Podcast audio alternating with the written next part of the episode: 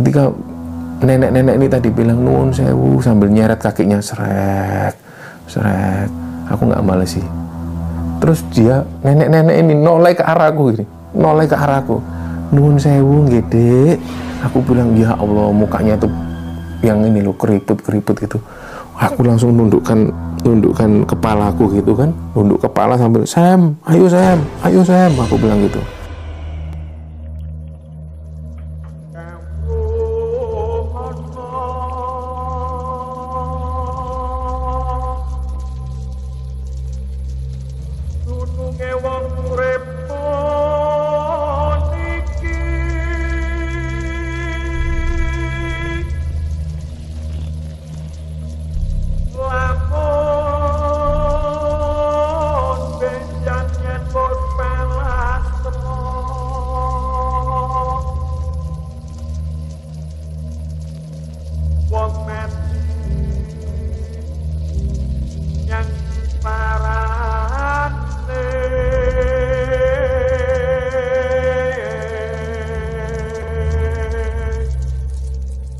pendakian pertama itu aku naik gunung pertama itu tahun 2000 cuman sebelum-sebelum itu udah pernah camping-camping gitulah. Camping yang di kayak persami itu kan memang dari kecil itu kan memang aku seneng persami gitu loh. Kayak di acara-acara sekolah kan selalu ada persami kan.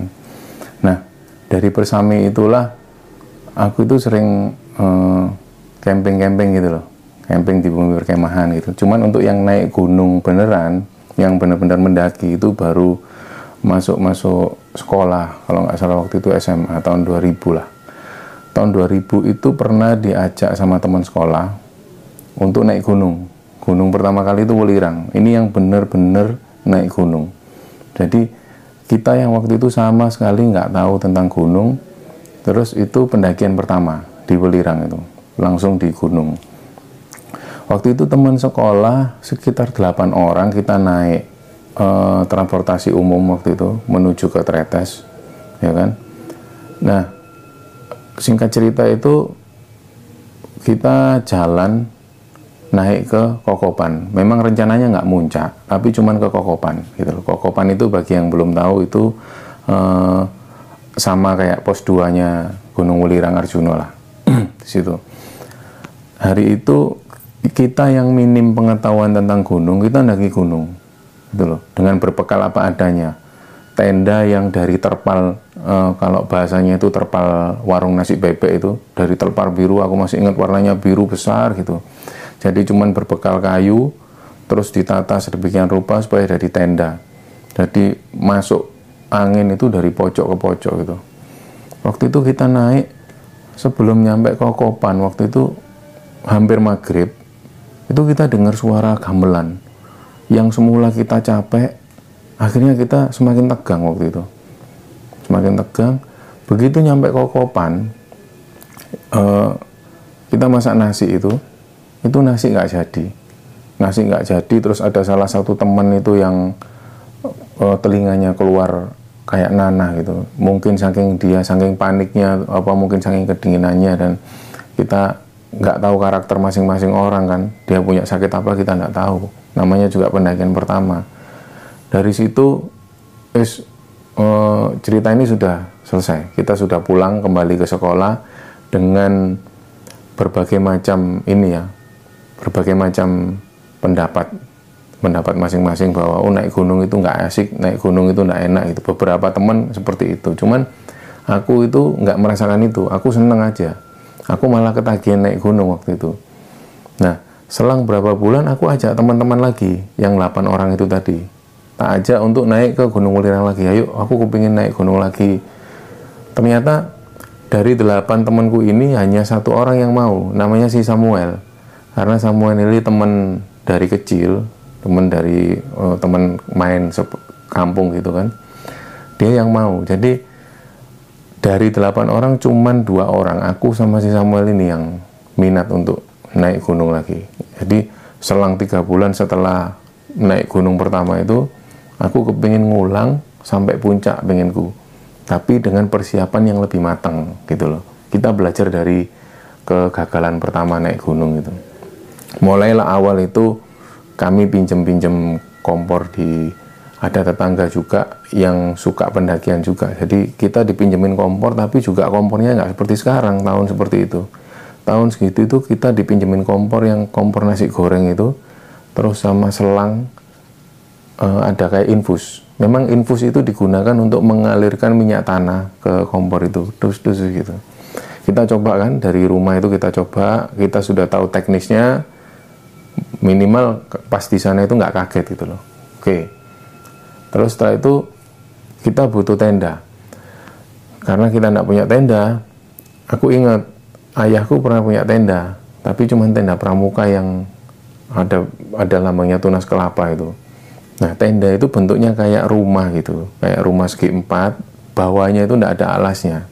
Jadi kalau kita mau pakai tenda pramuka itu bawahnya harus pakai tikar dan angin pasti tembus dari bawah gitu loh ya kita cuman bermodal itu tapi karena aku sama si Samuel ini niat banget pengen naik gunung pengen banget merasakan naik gunung sampai puncak gitu loh. Akhirnya kita tetap berangkat. Tetap berangkat dengan peralatan yang seadanya itu kita berangkat.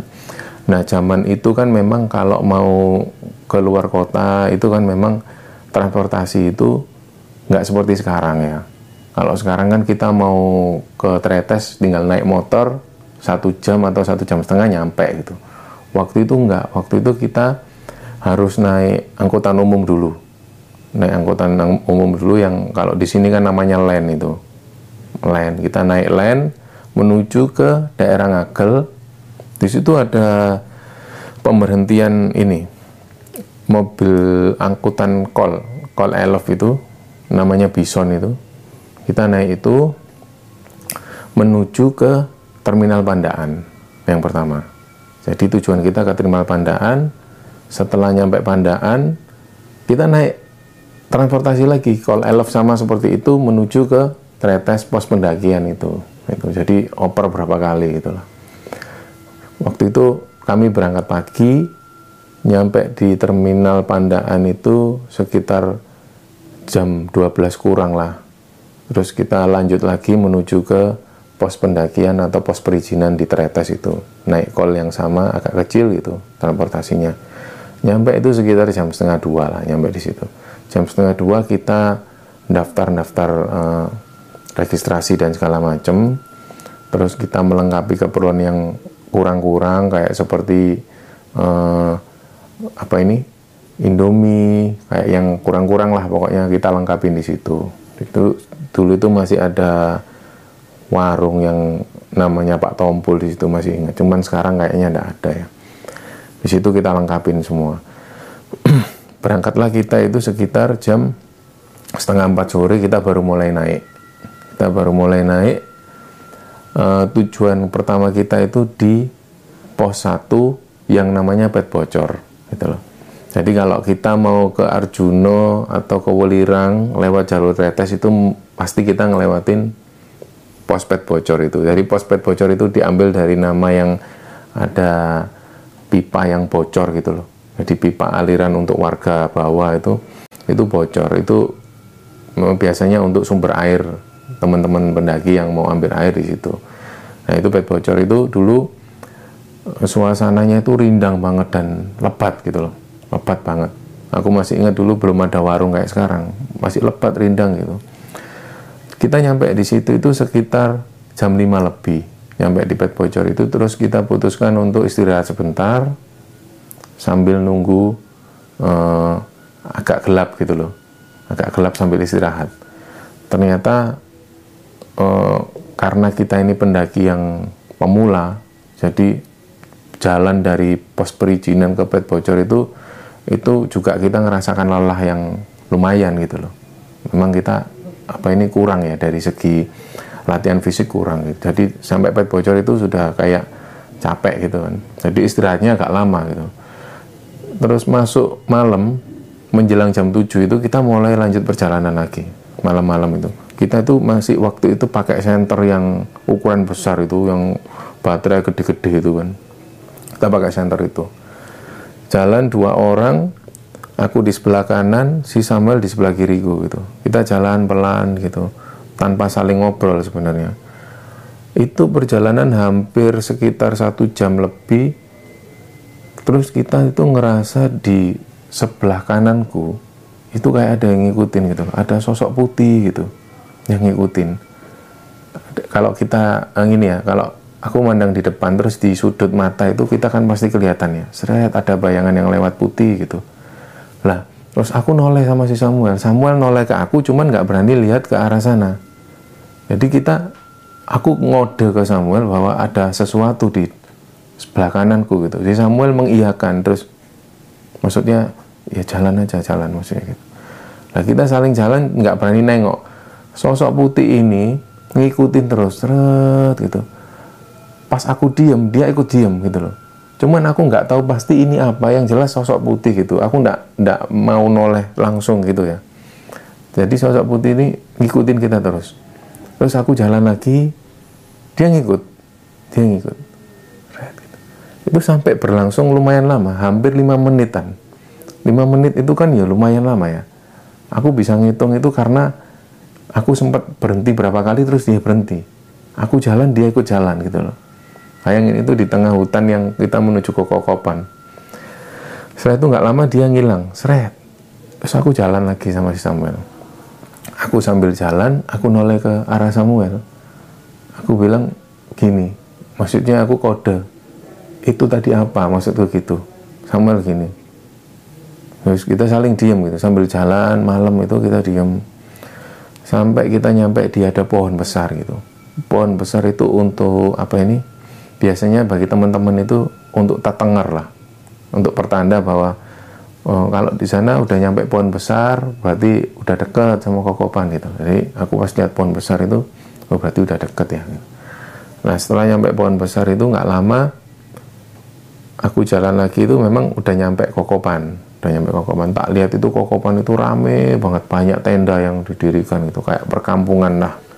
Tenda di mana-mana gitu. Nah aku itu memang kalau sama Samuel itu penginku itu naik gunung kita itu nggak rame-rame. Pengennya yang menghindar dari keramaian supaya kita menikmatin suasana gunung yang sepi gitu kan. Nah aku ambil di daerah sebelah kanan itu ada kayak eh, nggak uh, seberapa besar sebenarnya. Ada kayak tanah yang nggak seberapa besar aku dirikan tenda di situ gitu loh. Masih dengar suara keramaian itu masih dengar cuman nggak seberapa keras seperti yang kalau di kumpulan itu. Aku milih yang di situ. Malam itu kami tidur di kokopan terus eh, paginya ketika orang-orang sudah berangkat orang-orang sudah berangkat menuju melanjutkan perjalanan itu kami masih prepare kami masih prepare masak itu. Karena kompor yang kami punya yang kami bawa itu kan nggak canggih-canggih amat gitu jadi harus butuh waktu untuk prepare untuk menyiapkan Eh, apa ini? Nyantol di pohon lebih dulu terus habis itu masang ini ke tuas kompornya terus nunggu nyala habis itu ambil air dan lain-lain pokoknya ribet lah waktu itu ya. Kita mau masak nasi oke jadi. Jadi cuman nggak seberapa enak itu nasinya. Nah ini tak lihat rombongan-rombongan pendaki udah berangkat semua udah melanjutkan perjalanan nah tinggal aku sama si Samuel gitu di Kokopan itu tinggal aku sama si Samuel. Waktu itu udah siang banget udah menjelang jam 10 lebih lah. Udah panas panasnya itu udah lumayan udah lumayan inilah. Tak lihat udah jam 10 kita juga belum selesai gitu loh.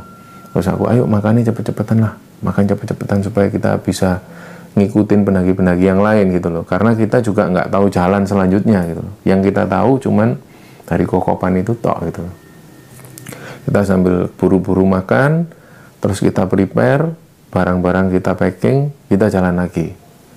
Jalan menuju ke pos selanjutnya pos pondokan. Nah nyampe di tengah hutan pinus itu itu uh, suasana yang matahari nggak bisa nembus gitu kan.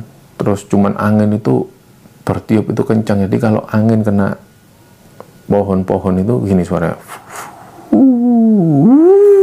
Gitu loh jadi suara angin gitu kayak pesawat lewat. Saking saking apa ini kerasnya angin gitu. Kita diem di situ berdua di tengah hutan yang seperti itu kita diem. Maksudnya apa? Maksudnya nunggu pendaki lain supaya ada barengan yang bisa sama-sama kita ke pondokan gitu loh. Karena kita masih ngeraba-raba jalan di situ gitu loh. Kita benar-benar apa ini nggak tahu persis jalan menuju ke pondokan pos selanjutnya itu. Sambil nunggu aku buka snack makan snack gitu sambil tak lihat si Samuel itu mainan kayak mainan tanah di gini kan cek cek cek gitu loh pokoknya yang kita nggak ada kerjaan lah di situ sambil nunggu pendaki lain kita tunggu sampai setengah jam lebih, hampir setengah jam lebih, belum juga ada pendaki yang datang gitu. Nggak ada tanda-tanda pendaki datang atau yang mau jalan lagi gitu. Nggak lama itu ada burung yang di depannya Samuel persis burung itu hingga di depan gitu aja. Terus dia itu sambil kayak nyari makanan gitu. Duk duk duk duk. Nah, si Samuel ini kan notabene dia ini suka sama burung. Di rumah ini dia punya banyak peliharaan burung gitu kan dia itu rencana memang mau uh, pingin apa ya pingin tahu burung itu tadi gitu loh nggak ada rencana nangkep cuman pingin gitu pingin apa ini pingin bercanda sama burung itu gitu loh. Pingin ngasih makan remah-remah snack itu tadi gitu loh. Nah dia terbang burung itu. Terus nggak lama dia deketin lagi burung itu kayak akrab gitu. Dia deketin lagi nggak lama burung itu terbang lagi gitu. Akhirnya si Samuel balik ke ngambil tas itu ayo ayo sambil berangkat yuk sambil ngejar burung itu gitu. Jadi kan lucu buat main-mainan gitu. Burung itu karena ramah banget sama orang gitu loh. Tuh gitu burung. Wis aku ambil tas sambil jalan pelan-pelan dia terbang kan burungnya terbang. Nggak lama dia tuh hinggap lagi. Lah si Samuel kan masih bawa remahan-remahan snack tadi itu.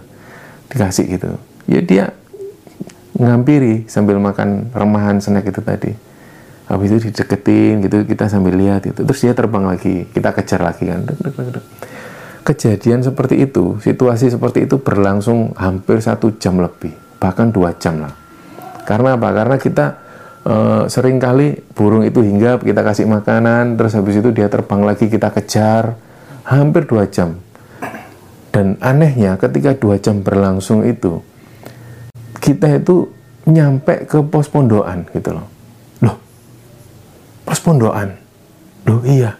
Jadi tanpa kita sadar, ketika kita ngejar burung yang selama berjam-jam itu, kita itu seolah ditunjukkan jalan gitu loh. Ya kita tahu bahwa uh, tentang burung yang penunjuk jalan itu ada di Gunung Lawu, kita tahu itu. Cuman burung yang seperti itu ada juga di sekitaran Welirang sama Arjuna gitu loh. Karena aku sama Samuel ngalami itu gitu. Kejadian itu persis aku alami tahun 2000 pertama kali aku ndaki itu burung yang seperti itu burungnya hitam sini di bawah perutnya ini ada kayak sepuan-sepuan warna kuning-kuning emas gitu burungnya seperti itu aku ngelihat persis detailnya seperti apa karena jaraknya deket banget sama aku. Lah sampailah kita di pos pondokan itu. Itu sekitar jam berapa? Waktu itu jam sore banget lah. Menjelang maghrib menjelang malam itu. Itu rame juga situasinya rame banyak itu. Aku rencana sama si Pak Samuel ini nyari lokasi yang lagi-lagi yang sunyi gitu, yang sepi dari keramaian gitu. Pertama kita survei dulu, cari lokasi dulu jalan di sekitar itu. Ada satu tempat itu di bawah pohon yang ada tanah di bawah rumputnya itu enak empuk gitu kan. Aku cari gimana di sini Sam? Iya, terus di sini aja. Kita coba bangun tenda di situ. Kita coba bangun tenda pramuka aku itu tak bangun di situ terus rencana kita mau ambil air karena hari sudah menjelang malam gitu loh lah waktu kita mau ngambil air ini kan sudah gelap sudah gelap dan kita nyalain senter aku ambil air bawa empat botol aqua yang kosong gitu. Kita ambil air menuju ke melewati yang keramaian itu tadi. Nah aku lihat memang kayaknya ada yang kesurupan gitu ada cewek yang kesurupan di situ yang teriak-teriak wah wah gitu. Aku sama si Samuel sempat berhenti gitu sempat ngeliatin cewek itu gitu. Jadi nggak ada yang bisa beresin ini cewek yang uh, kesurupan itu gitu loh. Jadi mereka cuman megang kakinya megang tangan megang kepala. Jadi dia cewek ini ngeronta-ronta kesurupan itu. Kita cuman ngeliatin dari jauh. Terus aku bilang sama Samuel ayo Sam ambil air Sam. Selak selak gelap banget itu. Karena waktu itu sudah dia jam 6 lebih lah udah gelap lah. Terus kita jalan menuju ke sumber air di situ.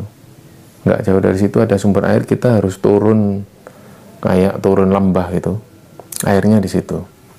Nah si Samuel bilang gini aku yang ambil air atau kamu nunggu sini atau sebaliknya? Karena harus nyenterin dari atas kan gitu. Terus ya wis aku yang nunggu sini aja kamu yang ambil air Samuel terus si Samuel diem kayak apa ini kayak nggak nggak setuju gitu loh. Gimana? Apa kamu sebaliknya Sam? Kamu yang nyenterin dari sini aku yang turun. Wis kita sweet aja kita sweet akhirnya. Sweet ternyata yang menang itu yang di atas. Ya wis aku yang menang kan. Ya wis aku yang di atas nungguin si Samuel turun ambil air. Aku sambil nyenterin di sini. Lama gitu. Tak pikir mungkin mungkin aliran airnya mungkin nggak deras gitu ya. Jadi nunggunya kan lumayan lama gitu. Masih kelihatan si Samuel masih kelihatan dari atas itu cuman nggak seberapa jelas gitu loh. Jadi kalau aku teriak agak keras supaya dia bisa noleh gitu loh. Terus aliran airnya memang kedengeran dari atas itu kedengeran sekali. Tak tunggu lama nggak juga muncul dia itu. Nggak juga muncul tak senterin terus. Sam udah selesai belum? Si kurang dua botol dia bilang gitu. Oke aku santai kan. Sangat gitu. Pas tiba-tiba aku nunggu itu sambil nyenterin si Samuel ini kan sepi. Suara keramaian yang di apa ini teman-teman pendaki tadi udah nggak dengar karena agak jauh juga kan. Sunyi gitu. Terus aku nungguin si Samuel nggak juga nongol. Nggak lama itu tiba-tiba aku tuh bau bau wangi yang sebenarnya aku itu harus nerka dulu. Ini wangi apa ya gitu loh. Pernah kan kita dalam situasi yang kita bau sesuatu tapi kita mikir ini bau apa ya? Kayak nggak asing gitu loh. Tapi nggak bisa jelasin ini bau apa? Gitu. tapi waktu itu baunya itu wangi banget. Terus aku mikir ini kayak bau parfum tapi bukan parfum. Kayak bau bunga tapi bunga apa ya? Gitu.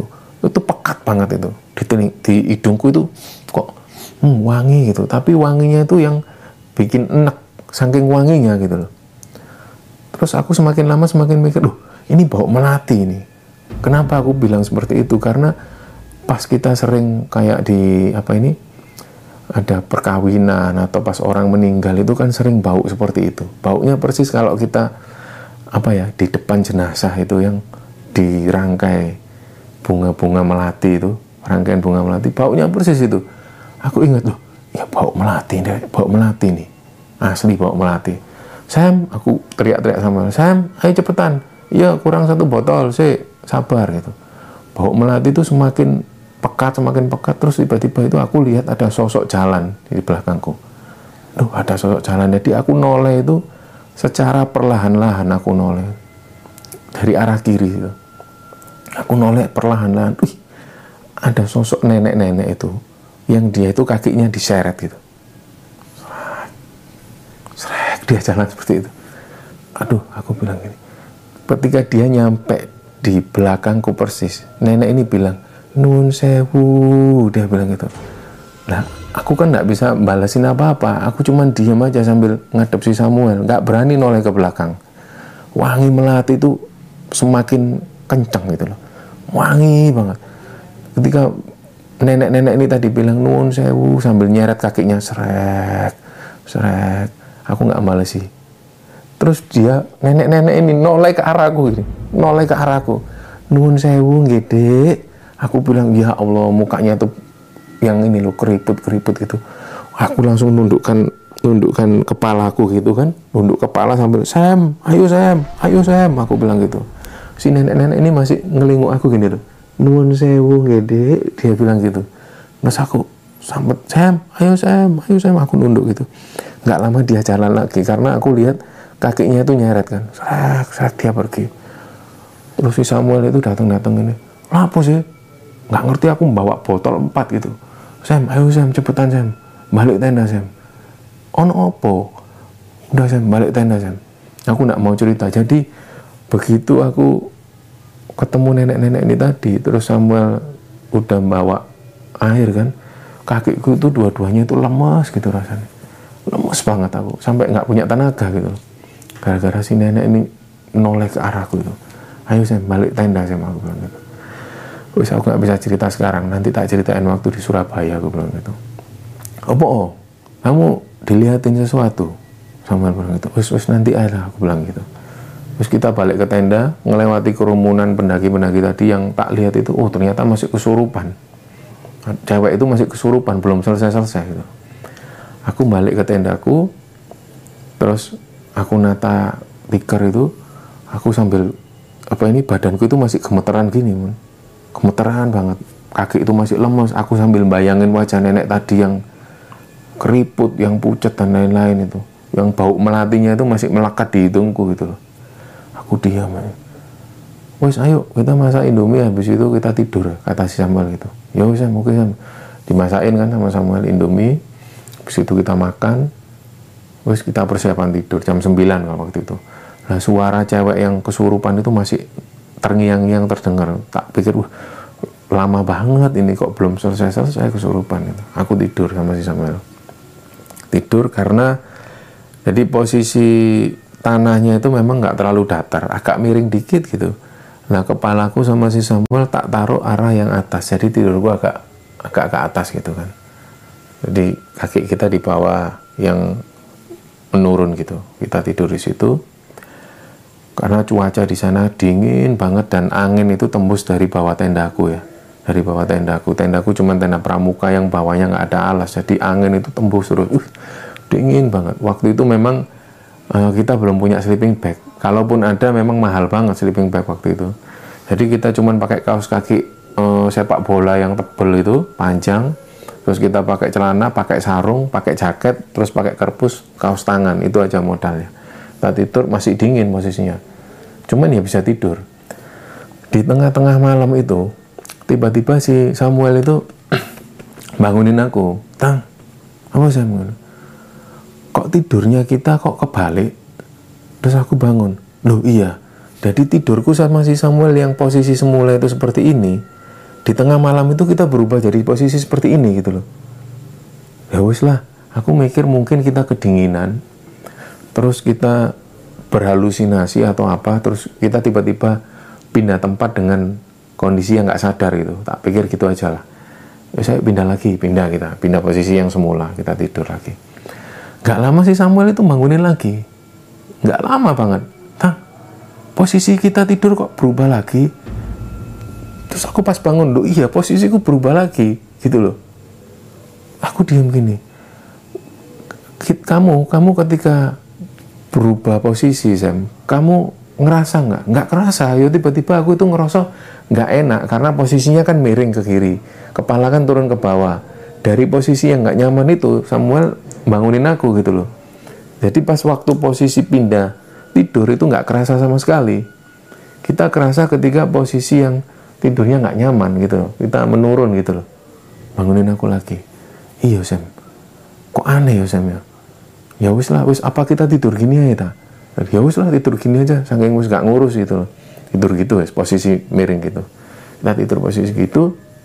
Nggak lama kita tidur itu entah berapa jam itu aku itu dengar samar-samar suara nenek-nenek tadi yang bilang ke aku nun sewu gitu loh. Nah suara samar-samar bisa nggak sih bayangin ketika kita pas tidur ada orang ngobrol itu suaranya samar-samar atau kita pas dibangunin orang gitu? Mas mas suaranya itu kan tiba-tiba dari pelan-pelan terus keras keras keras gitu kan terus tiba-tiba kita bangun gitu kan. Nah posisinya kan seperti itu situasinya. Nah situasi itu persis nenek-nenek yang suaranya itu tadi nuan sewu itu dari pelan pelan sampai keras sampai aku itu benar-benar kebangun. Pas kebangun aku tuh tiba-tiba posisi sama si Samuel tidurku itu di posisi yang aku ambil air tadi. Bayangin aku tiba-tiba Sam Sam aku tuh sampai teriak Sam Samuel bangun apa? Awak dewi lu nang di aku bilang gitu kita ini di mana? Samuel bingung loh tolah toleh kita kan posisi bangun tidur kan dalam keadaan yang kurang sadar ya. Terus kita bangun di tempat yang kita nggak tidur pertama gitu kita itu benar-benar tidur di yang kita ambil air tadi yang aku ketemu nenek-nenek itu tadi. Nenek-nenek itu nggak ada tapi suaranya yang seolah bangunin aku itu tadi yang bangunkan aku. Jadi aku aku berdua itu bangun di posisi yang nggak di tendaku, yang jauh banget dari tendaku. Jadi aku bener-bener, duh, aku ini di mana Sam? Kita ini nyasar loh Sam, aku bilang gitu. Kayak ngelindur, kayak ngimpi gitu enggak enggak yuk ayo kita cari tenda ya kita aja jadi aku balik ke tenda ngelewatin perkampungan tenda-tenda itu yang kebanyakan udah tidur semua tak lihat udah jam 2an kan jam 2 terus aku balik ke tenda balik ke tenda itu ya tendaku masih ada di situ gitu loh. Terus kita waktu di tenda itu saling diem-dieman berdua itu. Awal itu kita dipindah tidur seperti ini posisinya. Sampai pada akhirnya kita itu dipindah jauh banget dari tenda yang kita ambil air itu. Kita dipindah di posisi itu.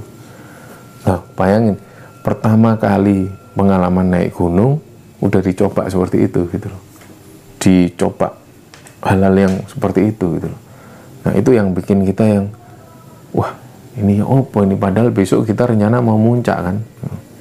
Nah karena kita tidur diganggu seperti itu kita tidur jam 3 akhirnya. Jam 3 kita baru menidur-nidurkan diri sampai paginya kita mulai bangun mau muncak gitu cuman kita harus persiapan hmm, apa ini masak nasi ya. Nah begitu kita buka tenda di depan tenda kami itu ada satu tenda.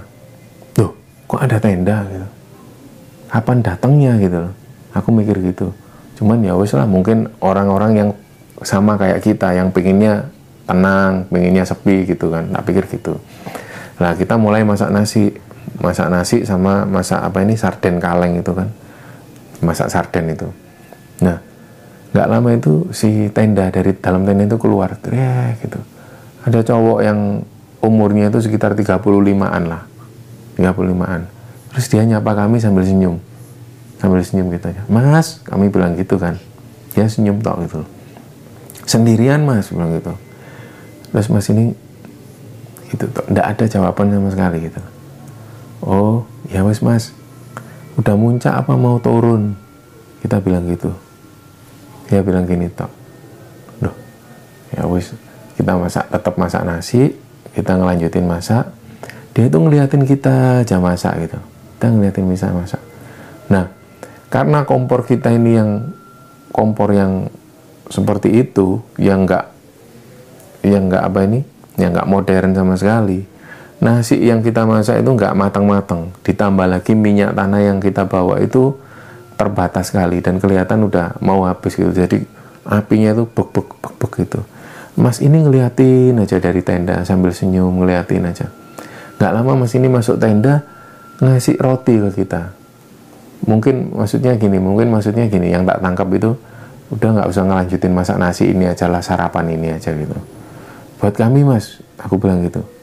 Dia bilang oh ya wis. Makasih ya mas. Iya dia bilang gitu. Ya wis makan udah makan tak lihat dia masuk tenda lagi ditutup gitu kan. Wis aku persiapan kan mau ke puncak lanjutkan puncak kan. Tak lihat jam setengah sepuluh. Rencanaku sama si Samuel itu aku mau nyari barengan siapa yang mau ke puncak Welirang gitu. Ternyata begitu aku nyampe di eh, tenda-tenda uh, yang banyak itu kebanyakan mereka udah berangkat dari tadi gitu loh. Lagi-lagi kami kesiangan aku nyoba lagi nyari orang. Beberapa ada yang nongkrong di situ mas. Ada yang mau muncak nggak? Ke Welirang oh enggak mas. Kita baru turun dari Arjuno oh ya terus tak tanya lagi mas ada yang mau muncak oh enggak mas. Udah kemarin udah muncak. Masnya mau muncak? Iya mas. Nggak ada barangnya. Oh emang nggak tahu jalannya? Nggak tahu. Ini pendakian pertama kita mas. Oh ya mending nyari barengan aja mas gitu. Kita nyari lagi kan ke tenda-tenda. Ada yang nongkrong di situ mas ada yang mau muncak nggak? Nggak ada mas. Saya jaga tenda teman-teman udah berangkat dari tadi ke Welirang oh gitu mas. Ya mas nah kita muter-muter. Nggak lama itu mas yang tadi di depan tenda kita terus melambaikan tangan ke kita. Kayak ngajak gitu. Loh mas yang tadi. Harus kita samperin. Mas mau muncak ke Welirang iya. Aku bareng ya mas. Aku sama Samuel kan seneng banget kan setelah sekian lama nyari barengan nggak ada barengan ketemu mas ini tadi yang di depan tenda kita. Dia cuman mm -mm, gitu. Ya wes aku di belakang mas ini tadi kan. Aku Samuel terus mas ini di depan. Kita naik. Selama kita naik ke puncak itu mas ini nggak banyak omong sama sekali. Jadi aku cuman ngobrol sama si Samuel di belakang. Nah selama perjalanan ke puncak itu nggak banyak obrol begitu kita nyampe puncak aku kan sama si Samuel uh, apa ini ambil yang sisi sana. Di puncak itu memang banyak orang kan banyak teman-teman pendaki yang udah nyampe puncak. Nah kita ribut ribut sendiri-sendiri. Aku ngeluarin kameraku yang waktu itu masih roll kan masih roll film kerak kerak kerak tak lihat tak foto foto gitu. Terus habis itu aku nggak kepikiran sama mas ini yang udah ngantar aku ke puncak. Karena di situ rame banget di puncak Ulirang waktu itu rame banget. Banyak orang-orang yang di situ yang ngobrol ada yang mengibarkan bendera atau apa gitu. Aku sama si Samuel juga sibuk sendiri berdua gitu loh. Nggak memperhatikan mas tadi gitu loh. Nah begitu selesai kita puas di puncak kita mau turun barulah kita nyari mas ini tadi. Jadi waktu itu udah siang jam 2an lah. Kita nyari mas tadi. Duh, mas tadi mana ya? Ini pendaki sudah banyak yang turun. Ternyata nggak kelihatan. Aku mikir sama si Samuel dari tadi kita nggak ngejak ngobrol mas ini tadi Sam mas ini tadi mungkin turun duluan gitu. Iya mungkin lah ya wes lah. Nah aku mulai turun sama si Samuel. Jam setengah tigaan itu turun. Terus uh, aku lihat itu ada kayak pohon enak gitu buat sandaran setelah puncak itu setelah puncak itu. Aku bilang Sam kita istirahat di situ bentar yuk makan-makan sesuatu gitu snack sambil minum. Ya wis lah. Akhirnya kita ke situ sambil nongkrong gitu ya mungkin karena kita capek terus akhirnya nyaman di situ gitu kan. Tiba-tiba itu menjelang sore gitu loh. Kita nggak sadar jam berapa ini. Wah kayak udah mau gelap ini. Tak lihat jamku waduh udah jam 4 lebih gitu loh. Ayo jam segera turun jam segera turun kan kabut itu mulai tebel gitu kan mulai gelap lah pokoknya. Aku khawatir karena kita nggak persiapan bawa center. Pikirku di puncak sebentar turun udah masih terang gitu kan. Nggak bawa center aku semakin turun nah semakin kita itu nggak tahu arah jalan menuju ke pos pondokan gitu loh ada dua jalan yang berbeda gitu aku benar-benar lupa Sambil tanya, Sam, ini kanan apa kiri? Nggak ngerti aku, lupa aku. Loh, sing bener kamu, kanan apa kiri? Aku lihat di belakang itu udah nggak ada pendaki lain kan. Tak lihat di depanku udah nggak ada pendaki juga. Terus kami ambil kanan kan. Wes ambil kanan aja kayaknya kanan, kanan gitu. Ambil ke kanan. Tiba-tiba itu muncul bapak-bapak, dia pakai sarung, dililitkan di sini. Dia pakai sarung, terus dia bawa kayak uh, kayak gelangsingan gitu. Sambil ngerokok gitu. Mas sampai ngatain nang di tanya gitu. Wah, pak aku ya kaget juga kan kok tiba-tiba ada orang di sini. Iya pak. Sampai ngatain nang di mau turun pak ke pondokan. Ojo lihat kono timbang mati kon. Bilang gitu. Hah? lihat kono kiri mau. Oh iya pak iya pak. Jalan yang kiri tadi nih pak. Yo wis ngane ngono. Cok nang kini kon. Sambil marah gitu loh kon dia sambil marah gitu. oh enggak, pak. Maaf pak dia ngelanjutin merokok gitu. Sendirian dia itu bapak itu tadi. Aku bilang Seret. terus aku bilang sama si Samuel bapak ini beneran nggak saya nunjukin jalan. Aku kok feeling jalan kanan tadi ya wis gak apa-apa lah siapa tahu dia penduduk sekitar yang nyari kayu atau apa gitu. Nyari nyari welirang lah aku bilang gitu. Tapi ya nggak mungkin ini kan menjelang maghrib gitu loh. Mana mungkin orang mau berangkat gitu. Pasti orang-orang itu berangkatnya pagi. Jadi sambil jalan itu aku sambil ngomongin bapak ini tadi. Begitu aku nyampe kiri lewat jalur kiri itu aku turun udah nggak berapa lama itu turun aku tuh ketemu pendaki yang baru naik kayak su suara orang yang baru naik kan. Kan kita dengar kan dak blek blek kayak orang baru naik. Lah kita kalau ada orang yang mau naik kan kita pasti minggir kan. Karena jalur itu kan sempit gitu kan. Aku minggir. Ternyata itu ada orang bule Belanda kan. Oh kakek-kakek gitu. Opa-opa Belanda gitu. Aku merinding ya, cerita. Opa-opa Belanda itu dia bawa tongkat.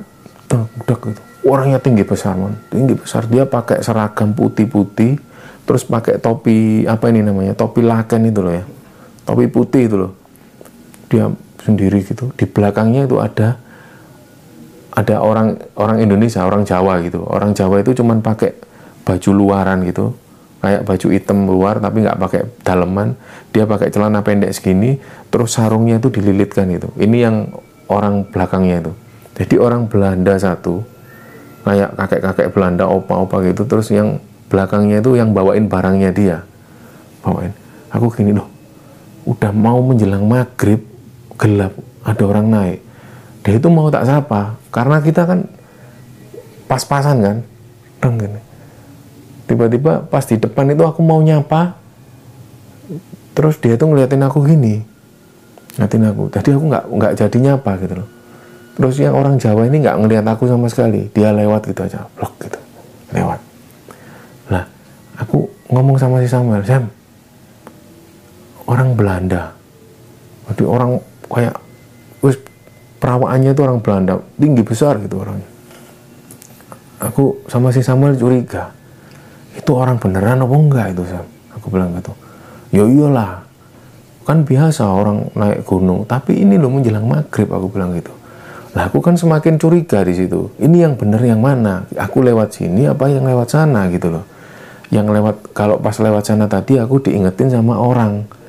Kayaknya orang penduduk situ gitu loh. Ojo lewat gini mati kon gitu. Dia bilang gitu. Lah pas lewat sini aku ketemu kakek-kakek Belanda itu tadi. Tinggi besar perawaannya dia bawa tongkat gitu. Naik dek dek dek gitu. Bawahnya orang Jawa itu. Aku bilang gini ya Allah Sam kita lebih baik berhenti dulu Sam kita doa aja Sam. Daripada kita nyasar wis mati awak Dewi Sam aku bilang gitu. Ya wis kita doa aja. Nggak lama pas kita doa itu ada suara langkah kaki lagi. Ternyata ada pendaki. Pendaki tiga orang gitu. Pendaki dia bawa karier besar. Mas. Eh iya mas. Ternyata dari logatnya itu kayak orang-orang Bandung orang-orang Sunda gitu ya mas mau turun? Dia bilang gitu kan. Oh iya mas masnya juga mau turun iya nih kemalaman kita. Bilang gitu kayak logatnya logat Sunda gitu. Oh dari mana mas? Aku bilang gitu. Dari Bandung. Dia bilang oh dari Bandung. Mas bareng ya mas? Ya mangga mangga bareng kita. Jadi dia bertiga kita berdua. Terus aku bilang sambil jalan mas tadi barengan sama orang Belanda nggak orang Belanda? Nggak ada. Dia bilang gitu. Nggak ada mas. Nggak ada ya kita ini yang terakhir rombongan terakhir kok dia bilang gitu. Ada mas. Bapak-bapak kayak kakek-kakek itu orang Belanda tinggi besar dia pakai baju putih celana putih terus pakai topi laken itu mas. Di belakangnya ada orang Jawa yang bawain barang-barangnya. Nggak ada mas. Nggak ada mungkin masnya salah lihat atau mungkin diliatin bilang gitu mas yang dari Bandung. Oh, aku sama si Samuel wah kayaknya bener mas di Bandung ini. Bener mas nggak lihat mas. Nggak nggak ada kok asli nggak ada wong kita berhenti lama kok di situ. Nggak ada orang Belanda nggak ada mas. Kita sambil jalan gitu. Nyampe di pos pondokan kita pisah kan sama rombongan pendaki dari Bandung tadi. Udah mas makasih ya mas. Ya sama-sama. Kita balik ke tenda. Nah tenda mas-mas yang di depan kita tadi itu udah nggak ada man. udah nggak ada. Pikiran kami sih oh memang mungkin udah pulang gitu kan. Mungkin udah pulang pikiran gitu terus kita packing-packing rencana mau tidur kan? Mau tidur kita packing supaya besok paginya kita bisa langsung pulang gitu loh. Jadi kita packing. Nah malam itu kita itu agak was-was juga tidur di situ. Jangan-jangan dipindahin lagi gitu. Kan kita masih ngecamp di pos pondokan kan? Jangan-jangan dipindahin lagi. Gimana Sam? Nggak nggak nggak mungkin lah kalau kita dijahilin lagi. Karena apa? Kita lo nggak berbuat apa-apa kan kita nggak buat jahat gitu. Ya wis lah. Apa kita pindah aja jam di keramaian? Samuel nggak mau. Nggak enak di sini aja lah. Kita istirahatnya bisa tenang. Ya wis lah. Malam itu kita tidur lagi di situ. Sebelum kepulangan kita esok harinya itu kita tidur di situ. Nah kejadian malam itu nggak ada yang aneh. Kita juga nggak dipindahin juga nggak diusilin seperti kemarin malam gitu. Cuman waktu itu itu malam itu itu ada suara cewek yang kesurupan semalam itu semakin jelas gitu. Lah pikiran kami itu kan wah masa kesurupan lagi sih? Aku bilang gitu. Saya ada anak kesurupan lagi. Iya kayaknya ya wis lah biarin lah. Kita tidur aja istirahat biar besok bisa pulang. Biar bisa tenaga itu bisa nyaman gitu. Karena kan dari pondokan itu kita rencana langsung turun ke bawah nggak pakai ngecamp lagi gitu loh. Yes kita tidur suara si cewek kesurupan tadi ini masih terus gitu loh. Terngiang-ngiang. Wah wah semalam semalam penuh itu cewek ini masih teriak-teriak. Nah pikiran kami entah ini ada yang kesurupan beneran atau ada suara cewek itu gitu loh. Nggak tahu kan. Nah paginya kita berkemas-kemas terus aku lihat di depan tendaku itu ada roti yang kemarin itu aku dikasih sama mas itu gitu loh rotinya itu sama mereknya. Kayak tahu roti sisir itu kan. Nah roti sisir itu. Kemarin kan kita dikasih roti sisir itu. Nah hari pagi itu ada roti sisir yang masih rapi bungkusannya masih rapi belum dibuka sama sekali. Itu ada persis di depan tenda kita loh mas ini kan semalam udah pulang tapi kok ada roti sisir yang sama? Tak pikir ya nggak apa-apa lah buat bekal gitu. Karena pikiranku positif itu kami pulang hari itu pulang turun langsung ke bawah sampai di pos pet bocor kita lanjut lagi di pos bawah pos perizinan. Nah waktu kita ambil KTP mau pulang itu kan udah kita ngisi KTP uh, eh, ngambil KTP terus si Samuel itu nanya ke pihak pos perizinan mas uh, kelihatan orang yang daki sendirian nggak maksudnya kalau memang posisinya mas itu masih ada di sekitar situ kita mau ngucapin terima kasih atau salam kenal atau apa gitulah. Terus bilang nggak ada nggak ada yang izin dari sini orang sendirian gitu. Umumnya itu berkelompok semua. Paling sedikit itu dua orang ya cuma kalian berdua. Perizinan bilang gitu. Loh masa nggak ada satu orang? Mas kemarin kita uh, hadap-hadapan tendanya sama tenda satu orang. Nggak ada mas tenda satu orang gimana? Nggak ada yang izinnya itu ke, karena ini musim liburan kan. Jadi orang itu 8 orang 16 orang 20 orang. Lah yang paling sedikit itu dua orang kalian berdua katanya orang perizinan gitu. Loh lah kemarin masa ilegal pendaki gitu? Kenapa sih mas? Mau tanya apa? Enggak pak. Kemarin itu kita kan ada satu orang pendaki yang ngantar kita sampai ke puncak Welirang gitu loh. Kita kita cuma mau kenalan aja sih hello karena belum sempat ngucapin makasih gitu. Wah, sampai itu diantar sama itu pendaki yang sempat hilang itu di sini di antara sini. Dulu itu pernah mas tahun-tahun lama itu pernah ada pendaki yang hilang. Itu ya gitu. Dia itu kalau dia cocok itu dia sering nganter orang ke puncak gitu. Langsung aku sambil sambil lihat gini wah pak sampai nakut-nakutin aja pak. Karena hari waktu itu kan itu pendakian pertama kami kan. Aku bilang sampai nakut-nakutin kami aja pak. Enggak. Ngapain nakut-nakutin? Orang-orang sini udah tahu semua. Kadang-kadang itu dia mampir kok. Yang pendaki yang hilang itu. Loh emang belum ditemukan? Belum. Ya bos mayatnya hilang mas. Jadi kadang-kadang ada orang ngekam itu dia ngampirin gitu say hello gitu. Kenapa? Sampai diantar sampai puncak? Iya pak kami diantar sampai puncak. Oh ya us ya anggap aja itu keberuntungan kalian lah mas diantar sampai puncak gitu. Terus aku sama si Samuel gini Sam ya apa menurutmu Sam? Aku bilang gitu. Ya wes gimana lagi? Toh juga hari itu kan ketika kita diantar sampai puncak itu kita nggak ngerasa kalau dia itu makhluk aluk apa pun gitu. Ya kita mikirnya itu manusia biasa gitu loh. Orang biasa pendaki biasa gitu perjalanan pulang itu kami ke Surabaya itu uh, pikiran kami itu gini nggak ada yang aneh dalam sebuah pendakian pertama kita itu. Pendakian atau pengalaman pertama kita mendaki itu nggak ada yang aneh. Kalaupun hal-hal yang aneh sampai kita dipindahkan itu ya anggapan kita itu mungkin mendaki itu mungkin seperti ini ada hal-hal ganjil seperti itu gitu. Jadi anggapan kita itu dari kejadian itu kita malah nggak kapok mendaki gitu sejak kejadian pendakian pertama itu intensitas kita mendaki itu malah semakin sering gitu loh. Terbilang dalam satu tahun itu kita sering daki berapa kali di antara Welirang Arjuno itu. Dan kita semakin senang di antara Gunung Arjuno sama Welirang. Itu kayak sebuah base camp kita. Karena yang pertama dekat dari Surabaya yang kedua itu uh, suasananya itu masih asri gitu kan. Terus nyaman kita ada di situ itu nyaman. Eh, nggak uh, jauh dari Surabaya itu yang penting gitu.